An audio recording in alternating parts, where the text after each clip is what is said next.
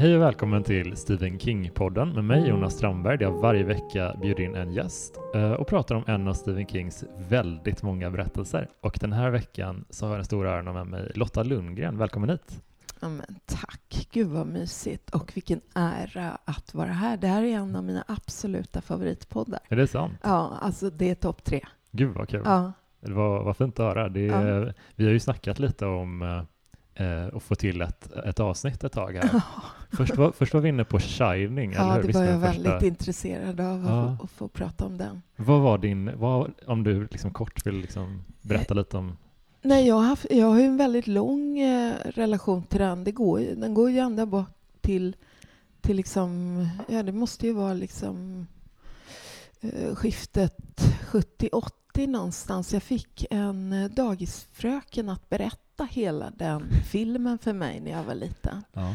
Eh, Det var inte den riktiga dagisfröken utan det var nog en, en lite sådär som var där från, från dagishögskolan. vikarie Ja. som Som- vad de känns som att de bara körde på Ja, sitt de- eget race. Ja, ja. De hade inte kollat det och eh, blev alltså något så vansinnigt rädd. Ja. Och sen så vet jag att min mamma faktiskt hade fått den eh, boken då, Varsel, Aha. av eh, min farfar. Jättekonstig present. Men, men är inte det lite sånt som en gammal gubbe kan hitta på, att det känns så mysigt att skrämma en yngre kvinna? Ja, ja men En kanske. viss typ av gubbe Ja. kan vilja det. Just det. det, det känns också som en, eh, en grej som eh, eh, när man dejtar någon, Ja. som att killen gärna visar en skräckfilm. Alltså det är någon märklig, ja det är otroligt märklig dynamik det där. Man, kvinna, eh, skräck. Ja, Ja, det är vä- väldigt ja, det- underligt. Det är de gamla. Ja. den gamla manusen som går igång. Jo, det funkade. Jag har provat faktiskt att visa skräckfilm för, för kille på dejt istället. Och Ja. det blir jättemisslyckat när Oj. killen blir rädd. Okej. Shit. Alltså då, och då är det ju en skräckfilm man har sett många gånger själv. Så du känner dig 100% trygg? Ja, jag satt och kollade på mig och tänkte, Fan vad fuskigt ja, ändå. ja, sen ville man inte träffas mer. Jättedåligt, då, dåligt på alla sätt och vis. Ja. Så att, eh, varning för den Ja. strategin. Det kommer inte gå hem. Det blir inte sexigt. Nej. I vilket fall som helst så hittade jag den där boken. Eh, Det var en stor pocket. Väldigt obehagligt omslag kommer jag ihåg. Men en så blå, lite suddig bild på ett eh, pojkansikte som skriker. Mm. Och då slog jag upp den. Då var jag också ganska liten och kom in precis i det här partiet där han är eh, inne på det här badrummet och eh, den här kvinnan ligger uppsvälld i, i badkaret och det är ju Ja. alltså väldigt, väldigt starka bilder. Eh, för en unge att läsa det där, det, man Mm. blir sjuk. Liksom. Ja, verk, jag minns bara den filmscenen eh, som första, som bara flashar upp och det var, inget bra. Nej, nej, det, nej, det är inte bra. verkligen inte bra alls. Alltså. Men, men ännu hemskare i boken. Och jag vet att jag blev liksom rädd för rent fysiskt rädd för själva boken. Jag blev rädd när jag såg boken. Mm. Mm. Alltså den kunde inte vara i samma rum som mig. Nej. Så rädd blev jag. Men det, jag känner verkligen igen den känslan från pappa hade eh, pestens tid hemma Mm. och jag, också, jag vågade inte riktigt öppna bläddra i den väldigt länge. Jag Mm. bara minns det här omslag på den här mannen som står och liksom med så här lysande ögon typ. Mm. Och bara, ja, det är bara dåliga känslor. Ja, då, dåligt är att det blir så, så laddat. Ja, Men, men jag menar, jag, jag minns att det fanns en kompis till mig hade en skiva med Karlsson på taket. Karlsson på taket har ett sånt lakan på skallen Mm. på en jätteliten bild på baksidan. Och jag var väldigt rädd för hela den skivan också. Ja, jag fattar det. Men det var så konstigt för eh, vissa så udda grejer som man blev lite rädd för när man var liten. Mm. Jag kommer ihåg eh, Mio Mio Mm. och ja, men den här klassiska versionen av Lilla Sjöjungfrun. Mm. Det, I Disney så är det ju liksom att när hon eh, berövas sin röst då är det genom magi typ. Mm. Men i sagan så skärs tungan av om jag Ja. minns rätt. Jag Åh. tror att det är någon sån riktigt grov, alltså fysiskt. Att hon inte, ja. Ja, ja. jag, jag minns det så himla Jag borde inte få läsa den här. Nej, eh, nej, jag minns någonting om att det var att när hon gick på sina fötter så var det som att gå på knivar. Ja, Det, det var inte alls med i... Nej. Ja, ja, de osexiga sagornas värld. Ja, verkligen. Mm. Men vi ska ju inte prata om eh, sådana sagor idag. Nej. Vi ska ju prata om eh, Thinner, eller Förbannelse som det heter på svenska. Ja, För det var precis. ditt eh, andra val. Ja, men det var det. Eh, jag tänkte att varför ska jag va- få vara med i denna utmärkta podd? Det, men då tänkte jag den har ju ändå en koppling till mat och ätande och vikt. Mm. Eh, precis som titeln antyder. Mm. Eh, så då tänkte jag, men det där kanske jag ändå kunde få vara med då Mm. på. För jag Mm. vart så sugen. Så jag. Ja, vad Eh, kul. Det här är inte, på intet sätt min favorit bland Stevens. Du vill ändå hänga den brasklappen där. Ja, den, den är inte jättebra, ska vi... Eller nej, tycker du? Nej, det tycker jag nog inte. Jag, jag har en s- känsla kring eh, Richard Bachman Ja. som hans uh, pseudonym. Att det känns som en väldigt, väldigt arg ung man bara. Ja. Som bär på mycket, mycket vrede och som inte tror på mänsklighetens eh, goda sidor. Mm. Eh, och jag är lite, han har inte gjort så många av de böckerna, det är kanske fyra, fem Mm. om jag minns rätt. Mm. Men nej, jag är glad att han tog sig ur den perioden.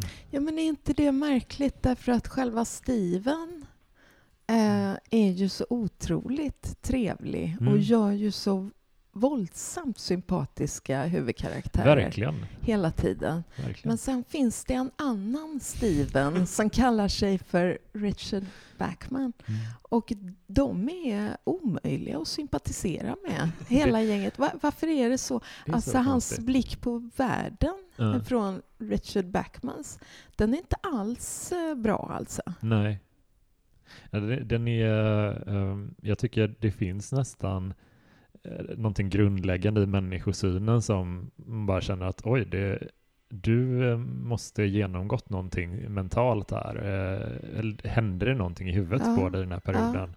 Ja, Han känns väl ganska nästan som en lite så här bitter incel-farbror Ja. från förr. Verkligen. Ja.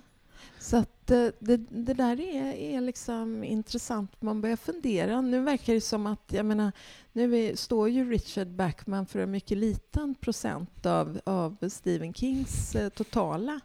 Men eh, ja, Mm. Ja. Ja, men det, eh, om vi bara ska presentera handlingen lite kort Ja. för våra läs- lyssnare. Vad vill du göra? ja, vi kan väl hjälpas åt Mm. lite grann. Men huvudpersonen är Billy Halleck. Mm. 38 år. Han är brottmålsadvokat och han väger i historiens början 114 kilo Mm. utspridda på ungefär 180 centimeter. Så det är ganska... Det, Mhm. det är något av en tjockis, Ja, va? en stor kille. Ja, Ja. det kan man lugnt säga.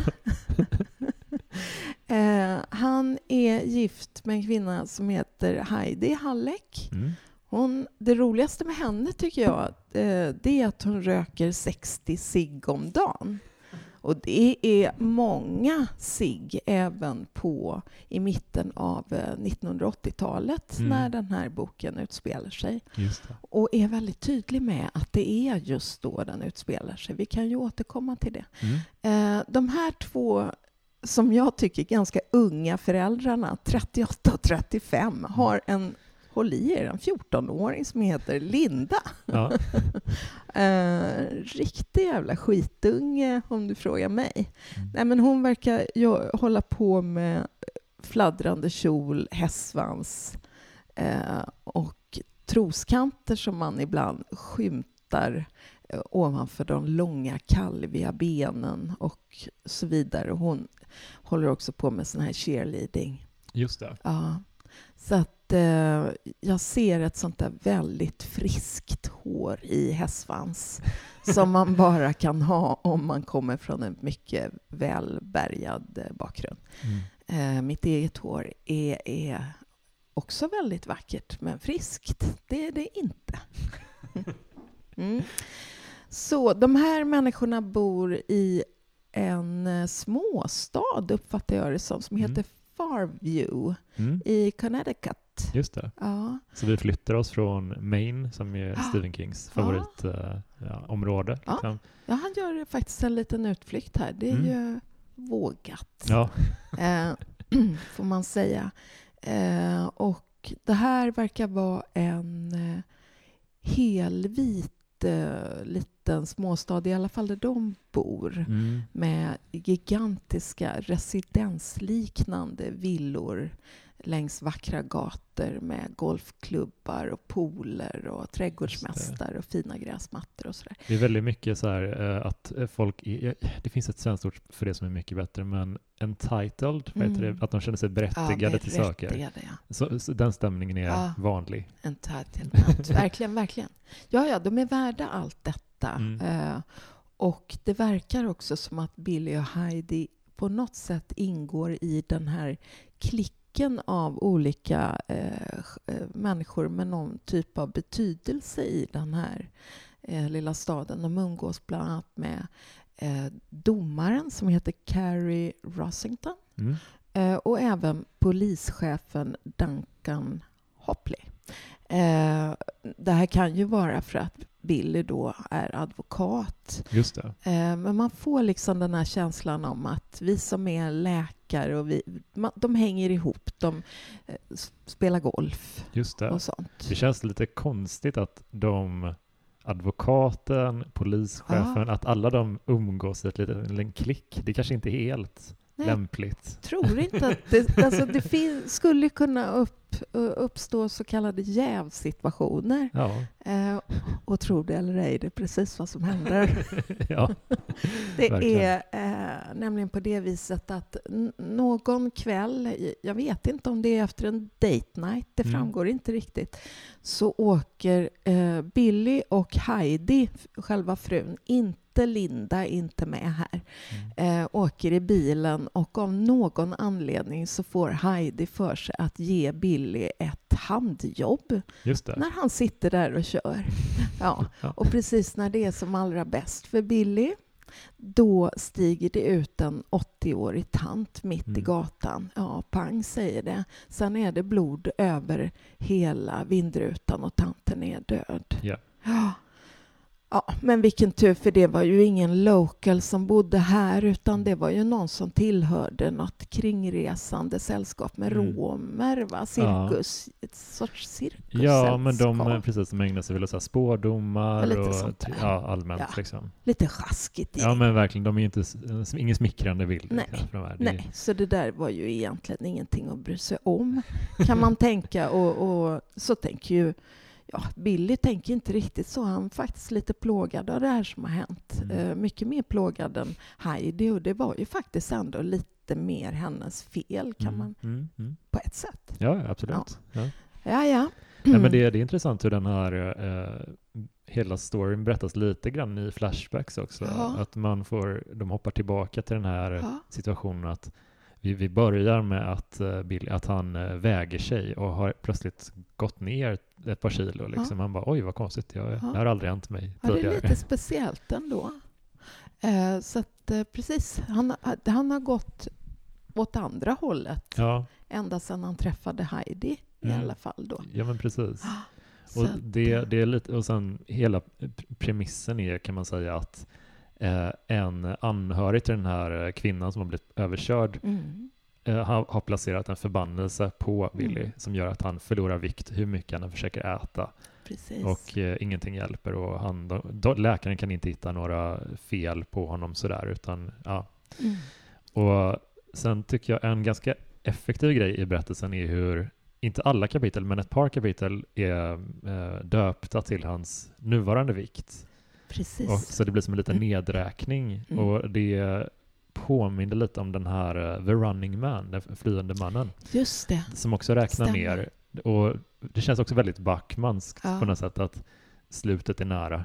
Vänta bara, typ. Den Exakt. approachen till det. Det känns också lite, lite, lite Bridget Jones Mm. faktiskt. Som i Bridget Jones dagbok där hon i början av varje kapitel skriver upp vad hon väger och hur mycket sprit hon har druckit. Gud vad intressant, det tänkte jag inte ens på. Nej men det är en udda parallell. Jag tror Bridget Jones är betydligt senare. Ja, ja. Eh, så att det är nog i alla fall 90-tal, va? ja det En känns bit så. in. Ja, jag tror det. Eh, men eh, det, det är en intressant nedräkning, för som sagt var, han börjar på 114 och eh, han är väl nere på 45, va?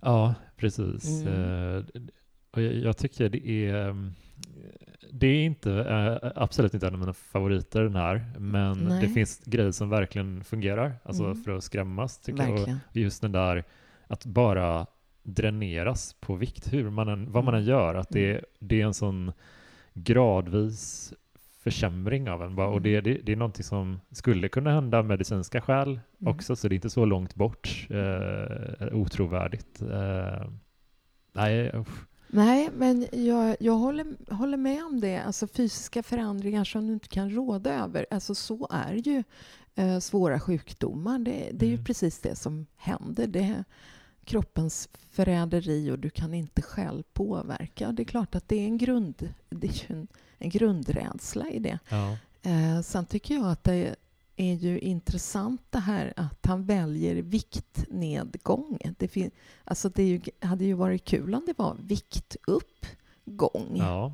faktiskt. Eh, det är ju egentligen lite mer i tiden. Man kan säga att den här amerikanska fetmaepidemin den börjar försiktigt ticka igång under 1960-talet, så det är lite tidigare. Då är det, tror jag, eh, McDonalds som kommer på att eh, folk man kunde inte få människor att köpa två påsar Mm. pommes frites. De var mycket små på 60-talet.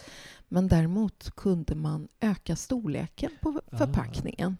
Och det visade sig att alla blev väldigt glada. Så då började man och, och kom oftare för att Ja. det var så mysigt att det var så mycket mat. Ja, Du vet, 60-talets amerikaner var inte så bortskämda. Nej, nej. Men det var, kändes kul. Eh, och sen är det faktiskt så att Taco Bell observerar det här att det går väldigt bra för McDonalds. mm. Eh, och vad är det som har hänt? Ja, då följer man efter. Det som hände på 80-talet det är ju att de här amerikanska skolorna eh, börjar leja ut skolmatsbespisningen på Pizza Hut. Ja, eh, och det är för att skolmatsalen inte räcker till för alla elever. Mm. Och sen så som ett led i att eh, förbättra ekonomin för skolor så säljer man då ko- kontraktet eller rätten att sälja läsk Mhm. inne i skolbyggnaden. Och, och det tjänar man ganska bra på. Ja. Man säljer det till Coca-Cola och så. Så att... eh, Vilken nej. jäkla vändpunkt ändå. Ja, det är det. Det är en Gud, jag känner vändpunkt. inte alls till det här. Det Nej. känns... Och om man tänker på det så är det ofta så att barn har, eller ungdomar i synnerhet, speciellt ska jag säga ungdomar, har en förmåga att kunna styra lite över familjens ätande. Eh, någon gång när de börjar bli tonåringar och det inte längre är så självklart att de vill vara med en, Mm. då blir man gärna lite fjäskigare med maten. Har du att, eh, upplevt det? Eh, jag är ju inte riktigt där med mina Mm. egna barn ännu, Mm. men Erik som har lite äldre barn, det, och, och jag eh, är ju helt i händerna på att eh, laga mat som jag tror är extra god för dem. Ja. Absolut. Mm. Men jag menar, varför ska man annars laga mat? Men, men ja, det blir, lite, det, det blir inte så uppfostrande käk om man Nej. säger så. Nej, det blir det inte. Ehm, så eh, idag ligger väl USA som nummer två Mm. eh, på listan över världens fetaste människor. 33 procent då räknas som feta och då är feta inte samma som överviktiga utan det är feta. Vet Mm. du vem som ligger etta? Nej. Kan du gissa? Eh, är det britterna kanske? Nej, Nej. nej, nej, de är inte ens med på den här listan. Otroligt nog är det Egypten. Det hör, det hör man aldrig. Nej! nej, den är helt Jaha, ny. gud vad konstigt. Visst är det konstigt? Men vad äter de där? Vad är det? Undrar vad deras sån sjuka... De måste väl ha någon... Vad är deras McDonalds liksom? Har de någon sån eh, typ av... eh, Ingen Så aning. jäkla speciellt. Jag, jag, jag, Egypten. Egypten? Va? Kul ändå. Piggar upp lite. Jag vill veta mer om deras matkultur. Ja, jag med. Jag ska faktiskt, eh, alltså jag, jag gjorde helt nyligen lite, kollade upp sånt här och, och Mm. jag kände det där vill jag veta mer om. Ja, ja, lätt. Så jag har ingen aning om vad de Okej. äter, men jag tänker så här, det är väl lite nordafrikanskt. Mm. Det är väl inget fel på det. Nej, Det brukar vara liksom... det var något jäkla godis eller någonting som är bara Kan det? allting. Typ. Ja. Kanske det är en enda produkt som bara dopar hela den här listan. Men gud vad intressant alltså. Men jag har en synpunkt. Jag, ska, jag, jag, jag har själv inte skrivit någon sån här roman. Mm. Eh, Så att jag tycker att det är jättetöntigt att sitta och recensera. Men eftersom vi ändå sitter och pratar om den här boken, det är en sak som, som lite jag har tänkt på. Gud vad slarvigt. Mm. Vad slarvig han är här. Ja. Richard Backman. Ehm, och det är ju...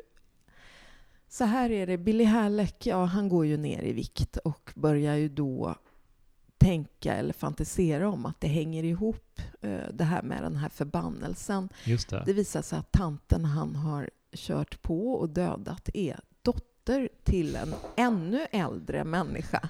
Och det är då en av de stora ungerska ledarna för eh, i den här romska kulturen Mm.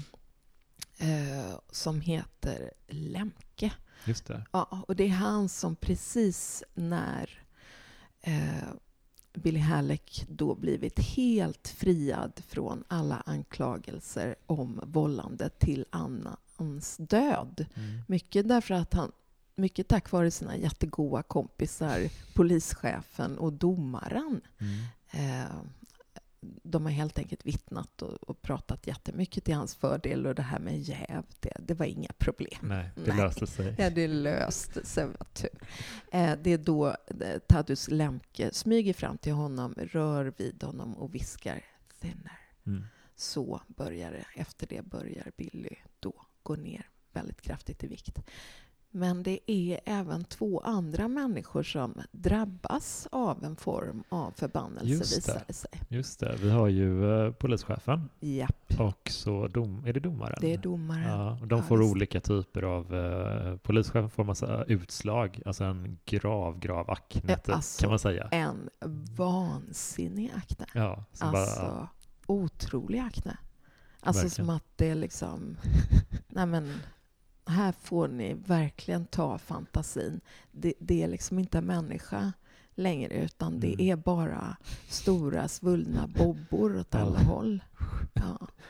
ja precis. Och, eh, och sen så, vad är den tredje förbannelsen? Det är de här fjällen då som börjar, ja, och själva domaren blir en form av krokodil, är det nästan som. Han Ja. blir långsamt fjällig. Ja, exakt. Jag, jag måste ändå säga att man uppskattar kreativiteten hos Lemke-familjen. Att de, eh, Ja. de inte kör en standardförbannelse på alla, utan ja, ja, vad skulle passa den här jäveln? Verkligen. Att det sprider lite... Jag håller med. Jag tycker, jag tycker att det är förvisso väldigt kul med de här fjällen. Men jag tänker också, om jag tittar liksom på det här temat som, som eh, King ändå väver genom den här berättelsen så finns ju liksom de här...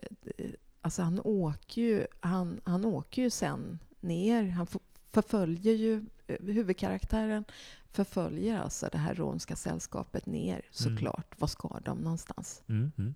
Kommer ihåg vart de åkte? De åker till Bangor va? Ja. i Maine. I Maine. Hamnar vi där igen? Ja, vi var tvungna att åka dit Ja. i alla fall. Genom olika kustorter och han är ju hela tiden väldigt observant på hur människor ser ut och eh, hur tjocka de är. Ja. Det är väldigt målande eh, beskriver han att han går omkring på de här turistorterna och observerar någon tjock tant som äter glass och Mm. fettet liksom, hur det vibrerar när hon rör sig och sådär. Ja, det är en väldigt äcklad syn på Ja. liksom alla. Väldigt föraktfullt, Mm. väldigt äcklad Sen är det roliga att vid det laget är Bill Halleck själv så fruktansvärt mager så att det är ju han alla stirrar på. Ja, precis. Det är, det är ingen annan som är konstig, utan det är han. Jo, men det, Ja, det nej, jag men- tänkte på var ändå så här, den här viktgrejen, ja den är bra. Sen tycker jag faktiskt att den här akne-grejen är också bra. Va? Den är Mm. ju en sorts... En blir mager, en blir ful Mm, och nästan ruttnar inifrån. Om jag, om jag skulle välja en tredje sjukdom Mm. då skulle jag väl, välja åldrande här. Ah, Ja. ja. Det tycker jag skulle vara kul med någon som åldras tre år i veckan ungefär. Ja, det hade varit effektivt. Ja. För det, det, jag håller verkligen med dig att den fjällen, är skitbra. Här, jag Ja, älskar ja den det. är, den är läskig, men Ja. det är också, det sticker iväg från det här sticker naturalistiska iväg. på något sätt. Det, det blir lite mer att du blir ett monster, eh, snarare än att du blir Ja. en liten annan, annan människa. Ja, Eller så. att du liksom... För jag menar, eh, det är ju som att du kan ju inte gå med någon... Det är liksom... Ja, jag, jag tyckte att det hade kunnat vara snyggt eftersom det är en ytlig värld han Mm. målar upp och då tycker jag det här åldrande, eh, fulhet och eh, viktkropp Alltså att det, Ja, det hade är en tre, drabba- snygg trojka faktiskt. Ja, det hade kunnat drabba någon ganska fåfäng, Ja. något yngre Ja. man då ja, kanske. en väldigt ungdomlig det människa. hade varit med eh, jätte, bra. sånt där tjockt vitt hår. Ja, precis. Ja. Som, som bara börjar åldras. Ja. Det, Ja. det hade hållit sig mycket mer till temat, eller, ämnen, eller stämningen på något sätt. Ja, jag Faktiskt. Jag tror det. Och jag, Mm. jag tänker på, det är också bara män som drabbas. Mm. Eh, eftersom det bara är män som har de här jobben eftersom kvinnor då är hemmafruar. Mm. Eh, det är inget konstigt i den här samhällsklassen i USA i mitten av 80-talet. Men när jag läst, har läst den här boken då har jag läst den ganska mycket som en gestaltning av alltså ett bra, ett, nästan som ett så tidsdokument av Mm. 1980-talet. Mm. Eh, och jag tänkte på det därför att 1980-talet är det decennium då mannens kropp och utseende för första gången börjar sexualiseras. Mm. Kvinnliga kroppar och så har sexualiserats eh, av alla, eh, Mm. alltid. Eh, och sen har det funnits perioder i måleriet och så där man sexualiserat den manliga kroppen. Men, men då har det ofta be- berott på att mannen som har målat tavlan har gillat att kanske ligga med Mm. Yngre vackra män. Mm. Ja, inga konstigheter. Mm. Men det är första gången man ser i, i liksom reklam och sådär så blir det plötsligt mycket nakna manskroppar som då um, saluförs som liksom åtråvärda och sexiga. Mm. Och om man tänker på tidigare sexsymboler i historien eller liksom som tjejer har varit tokiga i Beatles och sådär, Mm. då är ju inte det naket. Nej, Nej. det är extremt påklätt. Det är väldigt... Det, det är samma med liksom Robert Redford och Paul Newman och sådana. Mm. Mycket lager på lager. Ja, det, det kan nästan inte vara för många jackor. Nej, men det är påklädda Ja, män. ja. De är snygga för att de har som blick eller Mm. s- liksom styrliga eller någonting sånt där. Men även James Dean är ju relativt påklädd hela ja, tiden. det är sant. Ja. Det är, sant. är det någonting med, med sårbarheten man kan säga? Liksom att man, när man blir mer avklädd eller porträtteras mer så är det lite, lite sårbarare. ja, det är det ju. Ja.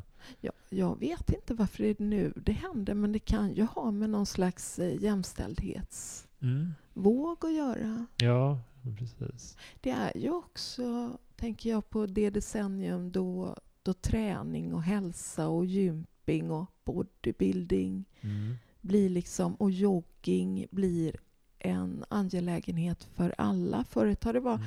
varit lite sådär man spelar tennis därför att man eh, antingen eh, ja, man håller lite affärskontakter igång eller umgås över sport och så. Mm. Men här är det då träning för att vara snygg.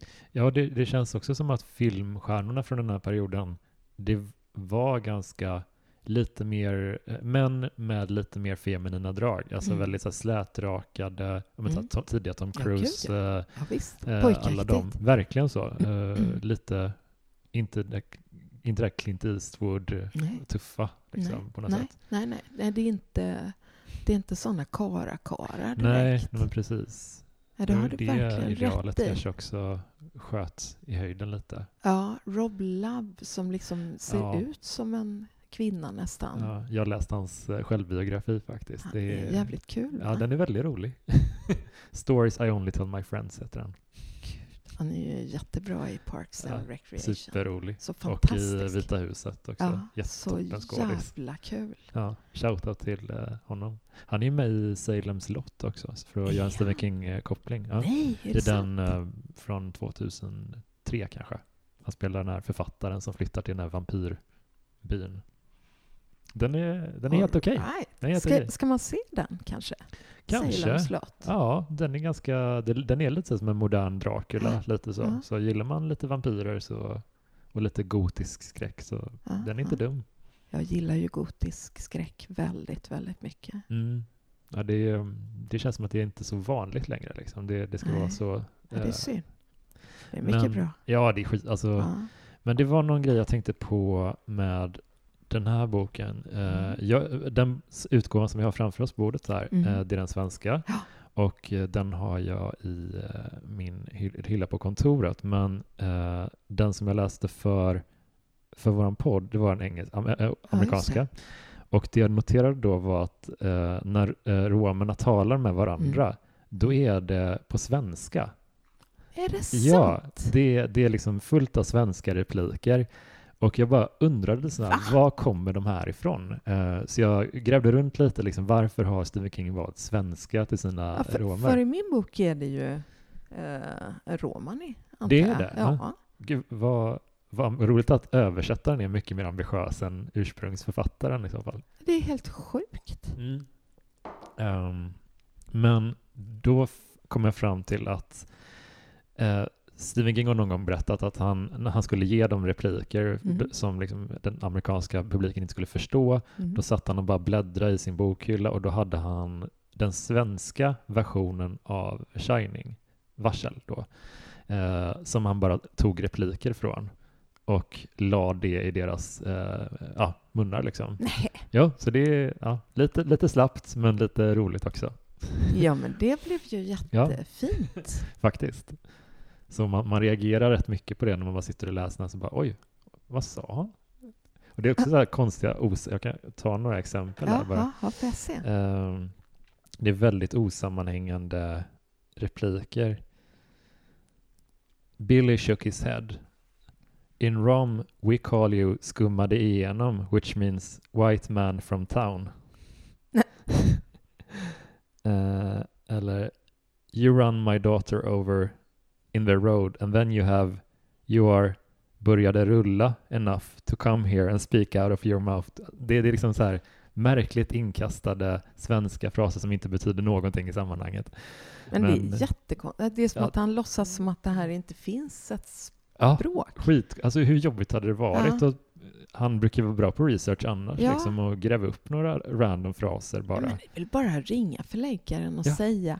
Vi Han behöver- säger ju den stora ungerska ledaren så att det kanske, det, det kanske inte är romani då, vill jag bara... eh, Nej, men jag tänkte men också- Jag, jag vet inte. Nej, det var jättekonstigt. Var det. ja, det är superkonstigt. Men det intressanta med den här boken tycker jag är att man sympatiserar typ inte med någon. Alltså, jag hörde lite snack innan om att ah, men han porträtterar inte romerna i någon positiv dager. Och nej, det gör han kanske inte, men ingen annan heller. Det finns ingen hjälte i den här boken. Det är typ, uh, Billy är ju en elak, ganska korrupt advokat liksom, som jobbar mycket med ja, den här eh, märkliga italienska gangstern ja, som man sen eh, får hjälp. Precis, när han ska- Ginelli. Just det. Ah. Och nu börjar vi röra oss lite i spo- spoiler-territorium Ja, kanske, så om man, ska göra det. vi kan markera här om man inte har läst den här boken. Ja, bra. Nu spoilar vi lite. Um, det han gör är att han rekryterar den här gangstern att spåra Mm. den här romska eh, släkten och skrämma dem så att de ska rycka tillbaka förbannelsen. Då. Ja. Ja, han gör först ett försök. Då är han mycket smal och försvagad. Han, han kommer ikapp dem eh, till slut och det han gör är att bara ge sig in i det här romska lägret så smal som han är då Mm. och säga ta bort förbannelsen. Det, det, jag, jag är ledsen över det som hände men jag vill att du tar bort den. Mm. Eh, men de bara hånskrattar till honom och säger du Mm. ska dö vite man. Ja. Eh, man tar inte bort någon förbannelse utan den sitter va, på dig. ja, och jag tycker lite, om man ska vara djävulens advokat, att eh, han har ju inte fått sitt straff som han ska Nej, ha har fått. Och då är det de som sveper in och utdelar det istället. För Ja. att, eh, ja, varför, alltså, jag kan ändå fatta känslan kring det. Ja, men alltså, vi pratar ju om den här kvinnan som då blir överkörd och hon är 80 år. Ja, men hon Mm. är dotter Mm. till eh, ledaren Lemke. Det gör ganska mycket Det gör dynamiken. ganska mycket, vet du. Mm. Eh, så det spelar nog ingen roll hur gammal dottern är. Nej. Eh, det är mitt barn. Ja. Varför? Här är en som inte tar sitt straff. Vad- Ja men verkligen. Det, det är lite konstigt hur, hur lite förståelse som, som ges till liksom, eh, den här romska släkten. De Ja. är ju lite så här shady gangsters Ja, i, i, i berättelsen. Ja.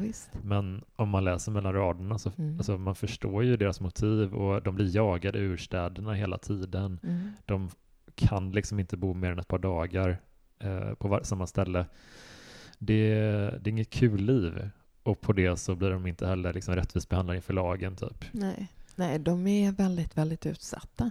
faktiskt. Eh, Och helt, eh, de är inte välkomna, som du säger, någonstans. Och deras status är, är jättelåg. Mm. Och det spelar ingen roll om man har ihjäl någon av dem. Man får inget straff. Nej, och jag tycker typ att även om det här är så ett legendariskt dåligt porträtt Mm. av romer enligt många så Ja. tycker jag man ändå fick mycket mer förståelse för deras situation även än, trots att det är en lite halvrisig skräckroman. Ja, jag, jag måste hålla med om det. Eh, För att, eh, som du säger här, han följer ju efter dem då. Hyr, han sticker från sin familj, skriver ett brev och följer dem då från stad till stad. Och eh, träffar ju då hela tiden människor som har träffat dem. Så Mm. att man får ju små bits and pieces av vad som har hänt Mm, de här människorna. Och de blir ju. Folk tar ju gärna emot deras pengar, hyr ju ut liksom Mm. baksidan av någon lada eller någon äng där de kan få komma och sätta upp sina vagnar och Mm. tält och så. Eh, och tar sen redigt betalt för, av dem och säger sen efter ett tag att eh, nu skickar jag polisen på Ja. er om ni inte åker härifrån. Ja, verkligen. Det är riktigt otäckt. Ja, eh, det är sätt obehagligt. att- men det är, jag tycker lite den här första konfrontationen mellan Billy och eh, familjen, när Ja. han kliver in i deras läger. Han har också en lite ton av att, jag vet inte, kanske bara jag, men det känns som att han hade en ton att nu löser vi det här, att han liksom Verkligen. tyckte det var så självklart att Mm. nu ordnar det upp sig, för nu är det jag som sätter ner Mm. foten, Mm. typ. Precis. Jag menar, det... Okej, nu har vi hållit på lite för länge här. Nu är det Mm. dags att Det skärpa finns ingen till oss. ödmjukhet i hans... Han, han, hade han liksom så här på riktigt krälat i softet lite så kanske, jag vet inte, det kanske hade hjälpt lite. Ja, vad är han beredd att offra? Man fattar inte riktigt. Ja, Eh, eller vad han- tänker han? På vilket sätt tycker han att vi är kvitt? Ja, exakt. Han, han har ju inte, han har lidit i tre veckor Ja, medans, oj. ja vad jobbigt för honom. Mm.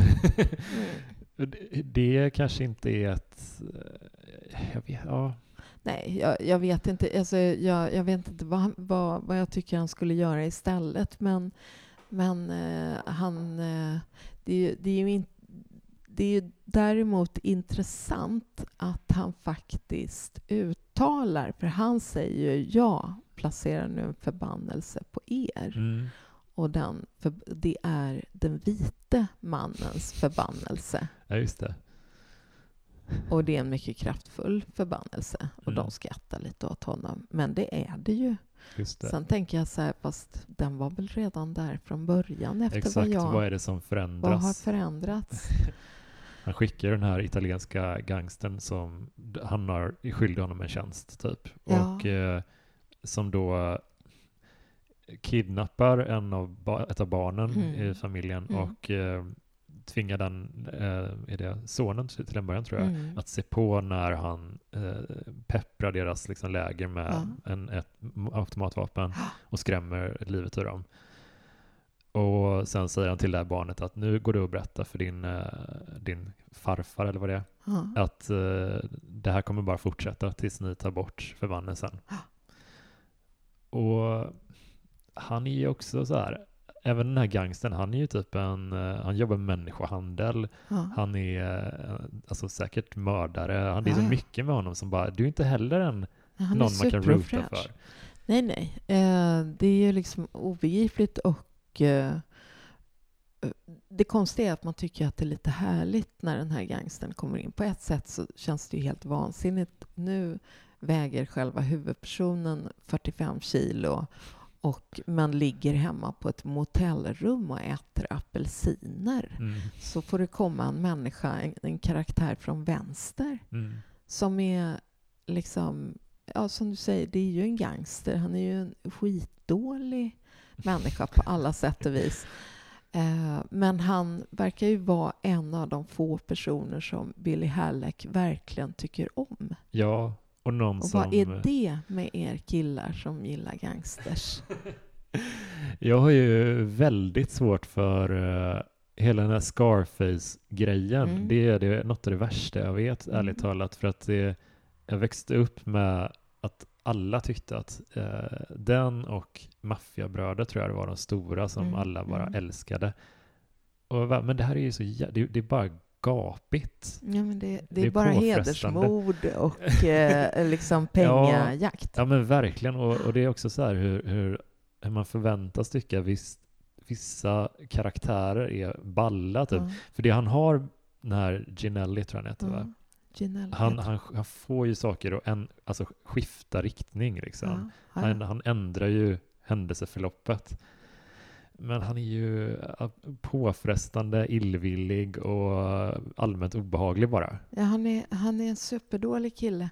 Nej, men jag tänker på att det, det finns någonting hos liksom så här lite eh, en, en viss typ av ganska ordentliga medelklass eller däröver som är liksom så här, jag är fascinerad av kriminella. Ja. Alltså om man fick ta en selfie med någon i Hells Angels så, Ja. så, så skulle man bara göra det och lägga upp det på Facebook och sen skulle man kissa på sig när de kommer och, Ja, och knacka på och säger ta ner den bilden. Ja.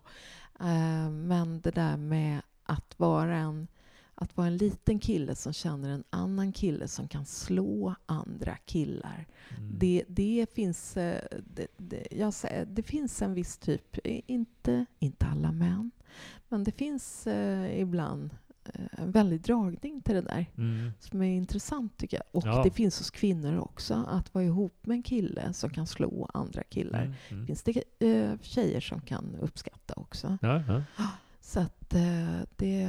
Men, eh, men, men det är någonting liksom i det dramaturgiska här som jag inte tycker riktigt funkar med att just ligga på hotellrummet och käka apelsiner medan någon annan får komma och lösa den här förbannelsen. Han har inte nu. ändrats någonting, eh, Billy. Han, Nej. han förväntar sig alltid att saker ska ordna sig i hans favör. Det, det, det, han kommer aldrig få ta kon- konsekvenser på riktigt för någonting han har gjort. Nej. Det, han, han kan inte ens få ett juridiskt utdömt straff för Nej. att han körde på den här kvinnan. Nej.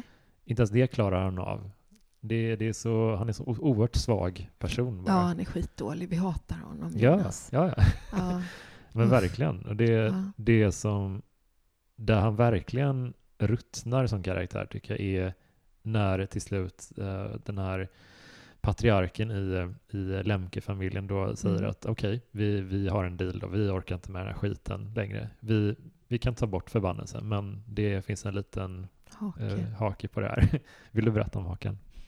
Nej, haken är att eh, man kan egentligen, eh, du kan ta bort förbannelsen på villkoret att du förflyttar den till någon annan. Mm, Du måste ge den till någon, någon annan. Just det. Så då är frågan, vem är det som ska bli så här väldigt smal istället för Billy, vem har verkligen förtjänat det? Just det. Och det han, eh, han får förbannelsen, eh, den skickas in i en paj, typ. Också ja, väldigt det underligt. fantastiskt. Eh, det- den är så det- äcklig den där Ja, pajen. det är otroligt äcklig.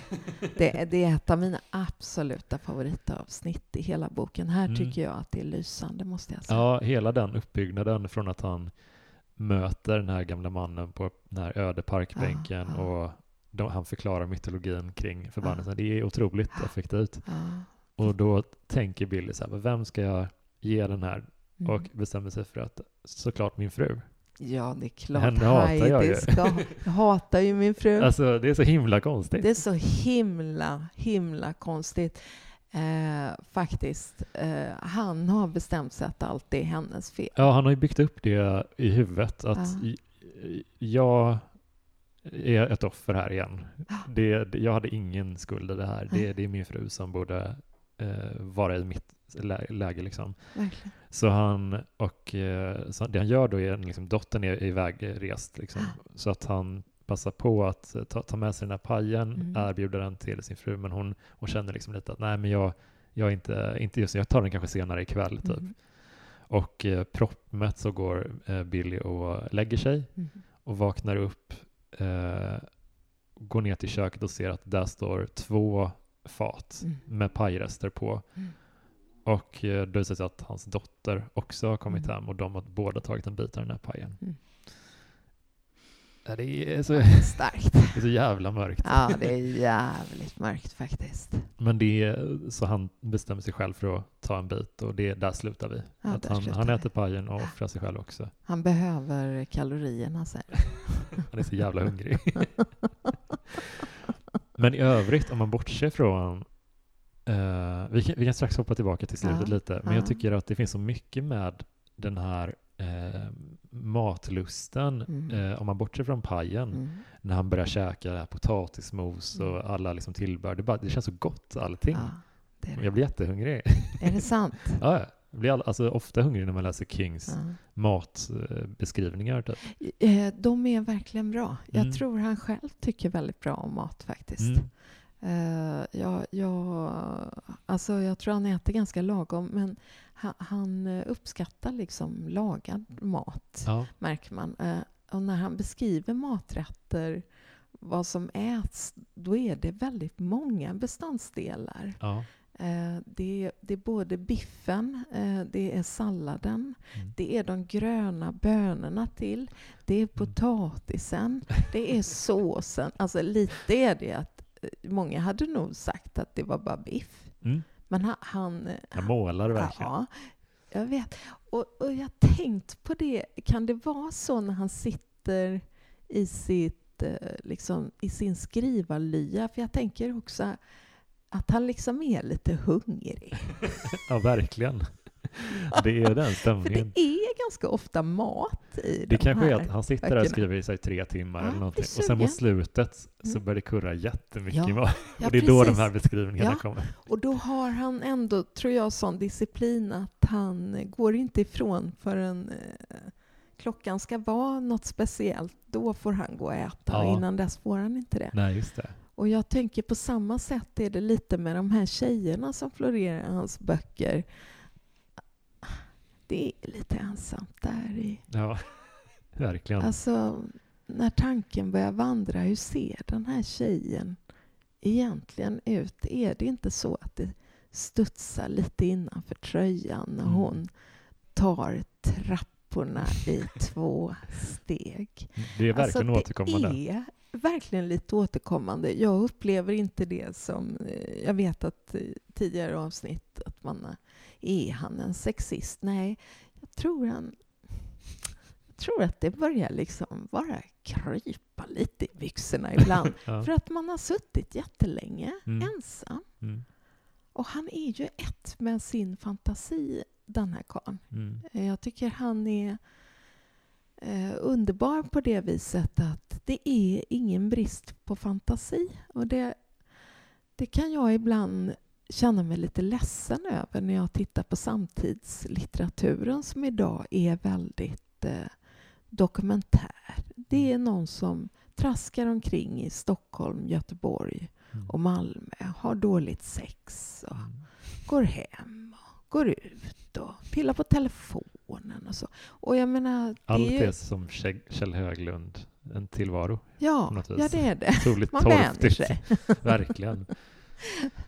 Nej men, och, och jag menar, det, det ju, blir ju ett samtidsdokument såklart också, för, för Mm. det är väl ungefär så här som det är, men jag tycker han är så rolig att han eh, hittar på de här världarna. För grejen är, det är det som är så fantastiskt med att skriva. Om man ska göra till exempel en film, då blir det ju mycket mer besvärligt att hitta om man har väldigt avancerade miljöer och Mm. det ska hända väldigt spektakulära Mm. saker och hästar ska flyga och djur ska prata och spöken ska liksom komma upp och det är en demon. Mm. Men i en bok är det ju gratis att Ja, skriva. Det kostar ju verkligen. ingenting. Du Nej. behöver ju inte ringa någon som ska tillverka en demon till exempel, utan du skriver bara ner det.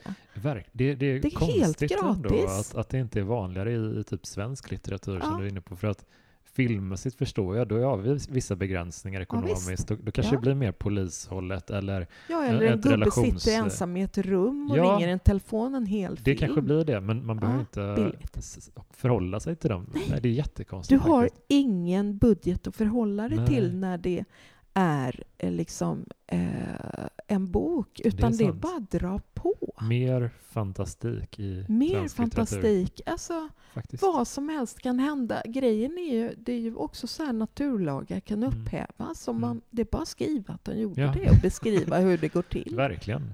Det är faktiskt sant. Ja, shout-out till alla svenska författare. Ja, Lite ja, mer- ja, men jag tycker att det är mycket, mycket... eh, Alltså, jag vet inte, det verkar lite dumt att bara skriva Ja. om det här med eh, att gå omkring i Stockholm och ha dåligt sex. Det är så menar. Du kan, det kan vara på ett helt annat Ja, sätt. ja. Jag vill bara Kasta ut det påminna. Men om vi ska säga något ord om, om slutet bara innan vi, innan vi knyter ihop säcken. Så här, vad, vad kände du för det slutet? Att det är så, alla dör? Alla dör, jag, Ja. jag tycker det var det enda rätta. Ja.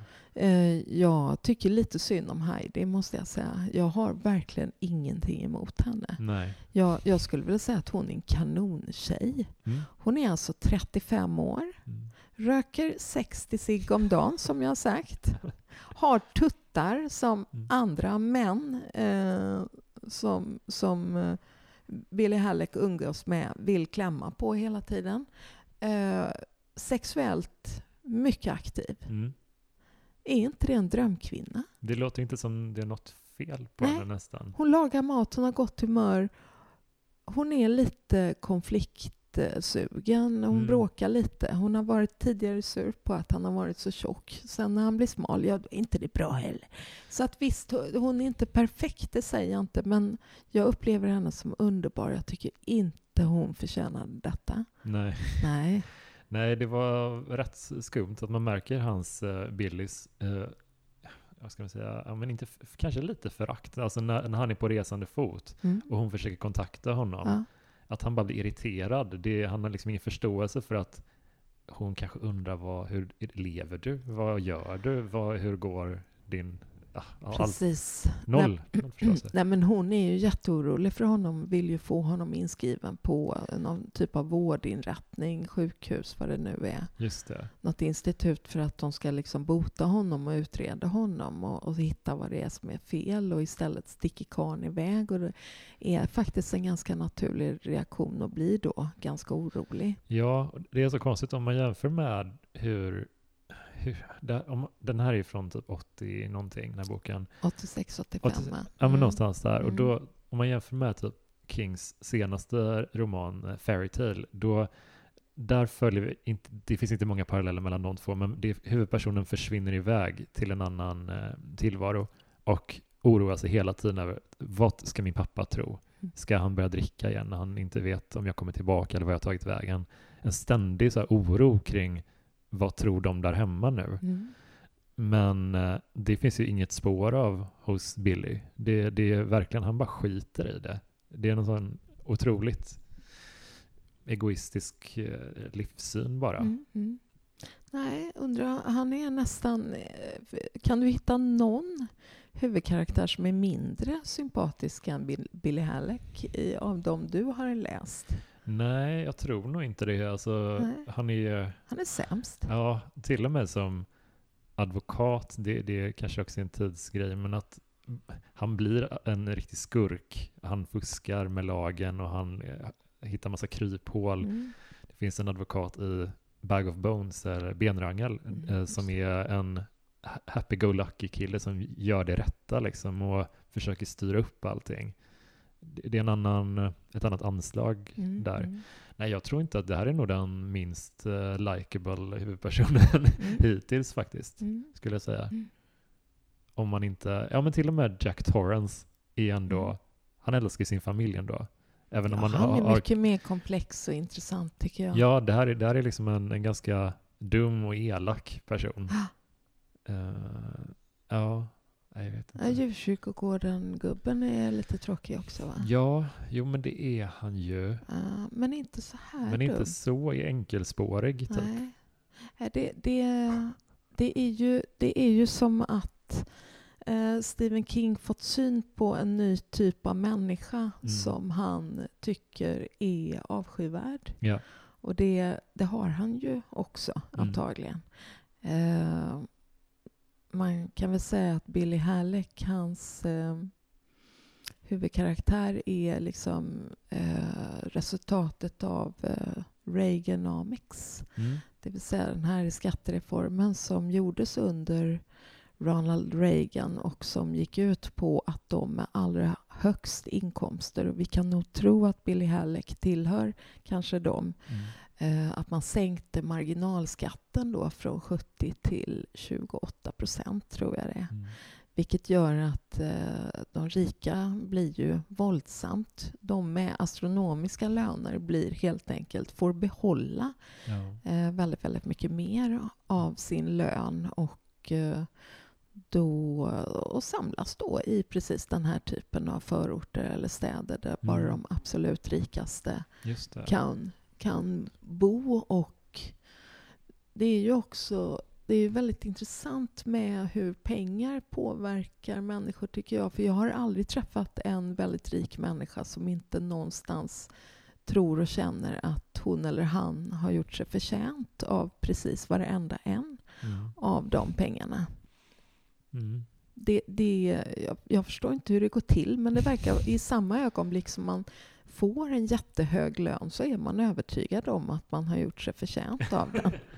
Ja, det, det är rätt konstigt. Det kanske är någon, defensiv eller försvarsmekanism lite. Att man, man kanske man vill inte att någon ska ifrågasätta, eller en osäkerhet kanske. Nej. Ja. Det, det är väldigt märkligt, för jag menar, det säger ju sig självt att nästan alla som har alldeles för mycket i lön har ju inte gjort sig förtjänt av det, utan Ja. har ju den lönen därför att eh, den, den skummas av liksom alla andra människor med lägre löner är med och bekostar den där jättelönen. Mm. Det är så det, är så det funkar. ja, ja, verkligen. Sen eh, säkert om man sitter väldigt högt upp i en företagshierarki och antagligen är ganska ägd av då sin arbetsplats och antagligen kan en del eh, grejer som folk på lägre nivåer då inte riktigt kan. Men, men man är sällan värd 10-20 gånger mer än alla de andra.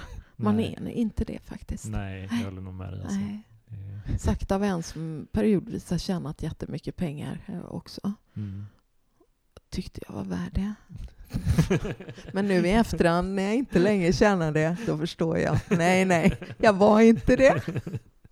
Det Jag var... fattar. Nej, nej det, jag visste faktiskt att jag inte var det, men jag var oerhört Körde på tacksam. ändå. Ja, Ja. jag tänkte det här, det här går snart på. över. Och det gjorde det.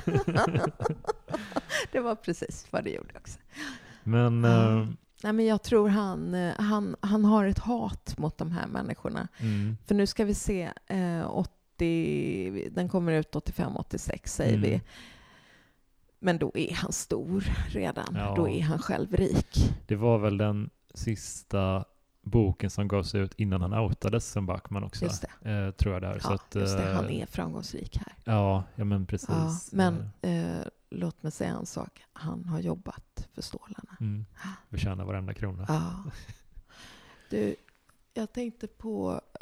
Nu är jag ju en sån, sån Stephen King-podden-head så att jag har ju lyssnat på precis varenda avsnitt Mm. mycket noga. En del har jag lyssnat på två gånger. Oj, Så mysigt är det tydligen. vad kul. Mm. Jag tycker mycket om eh, vignetten också. Ja, Det är otroligt bra. Vad är den, det för något? alltså den gör, eh, har jag fått av eh, Bröderna Kvist, heter de, Nej. som gör den. Eh, den är inspirerad av ledmotivet till Langoliärerna, som är en te- eh, lite kitschig tv-serie, eller miniserie, Ja. som den gjorde. Eh, så det är, ja, den är väldigt melankolisk och Ja, den är så sorglig och trasig. Och, det, är så antipepp. Ja, den Det- är verkligen antipepp. det tycker jag, man ska sätta tonen lite. Det, Ja. det här är inget eh, Nej. så. Det, det är liksom som damm och spindelväv över hela den låten. Ja, ja, jag håller med. Jag Det är jättefint. Alltså, det, är tror- mycket, det är gotiskt romantiskt ja, för mig. Från början så gav han mig den och sa, ja men här är en bra outro-låt. Ja. Eh, och sen lyssnade jag på den bara, fast den är också en rätt mysig intro-låt. Ja. Så, ja. Men du, du har ju också en ny podd på gång. Ja, vad kul! Tack för att du påminner mig. Det Ja. hade jag nämligen glömt. Ja, Ja, men det har jag. jag eh, den heter Jordkommissionen ja. och den handlar om eh, odling. Jaha, gud vad kul. Ja, ja, tycker du? Ja, jag kan ingenting om odling. Nej. Men jag, jag älskar att lyssna på nischade poddar. Ja, ja men den, den här är ju ganska nischad då. Ja. Utan den handlar om hur man odlar mat, Ja. eh, om man kan det. Ja. Och det brukar man kunna. Man behöver ofta en balkong i alla fall. Eller en, så kan man eh, uppsöka en ödetomt eh, Mm. där det är ljust och bra. Så kan man ställa dit några eh, sådana här pallkragar. Det, det går att odla om man verkligen vill, men det är klart att det är lite enklare om man har en tomt hemma och sådär. Mm. Eh, så vi pratar om, eh, det är jag och Sveriges bästa matskribent eh, Tove Nilsson. Mm. Ett fenomen till matmänniska faktiskt och en jätteduktig odlare. Så att vi pratar om en råvara i taget. Första avsnittet, det är premiär den 29 september, kommer Mm. handla om tomater. Ja, kul. Ja, Det är min bästa Ja. eh, smak. Tomat, all, alltså ja, alla kategorier. alltså, ja, det är det roligaste Mm. nästan jag vet att odla också. Mm. Men jag odlar ju 300 kilo. Ingen behöver riktigt så mycket tomater. De är, vad synd att inte jag hade tomater till dig här. Jag har ju Ja, så fruktansvärt roliga Ja, sorter. jag alltså. älskar tomat. Det är bästa. Nej, men alltså, ja, allt. När du allt. hade smält av. Eh, nej, men så är det. Och sen hälften av avsnittet pratar vi om hur man bäst tillagar och äter detta. Ja, Så att det blir extra, extra gott. lite inspiration också. Ja, så det är som ett nej, men det är som så mat-brainstorming-möte mellan två riktiga dårar. Fan vad kul. Ja, jordkommission. Jordkommissionen 28, 29 september. Ja. Kul. Ja, Mhm. men, eh, prenumerera på den. Det, ska, det ser jag fram emot att lyssna på. Vad kul. Ja. Vad kul att du ville vara med i Stephen King-podden också och roasta Thinner. ja, Konstruktiv kritik tycker jag. det är det. konstruktiv kritik och eh, Steven, du är, vi tycker du är bäst. Ja, verkligen. Ja. Tack för att du har lyssnat på podden. Eh, hoppa gärna in i eftersnacksgruppen och diskutera den här boken så um, ja, hörs vi snart igen. Hej då!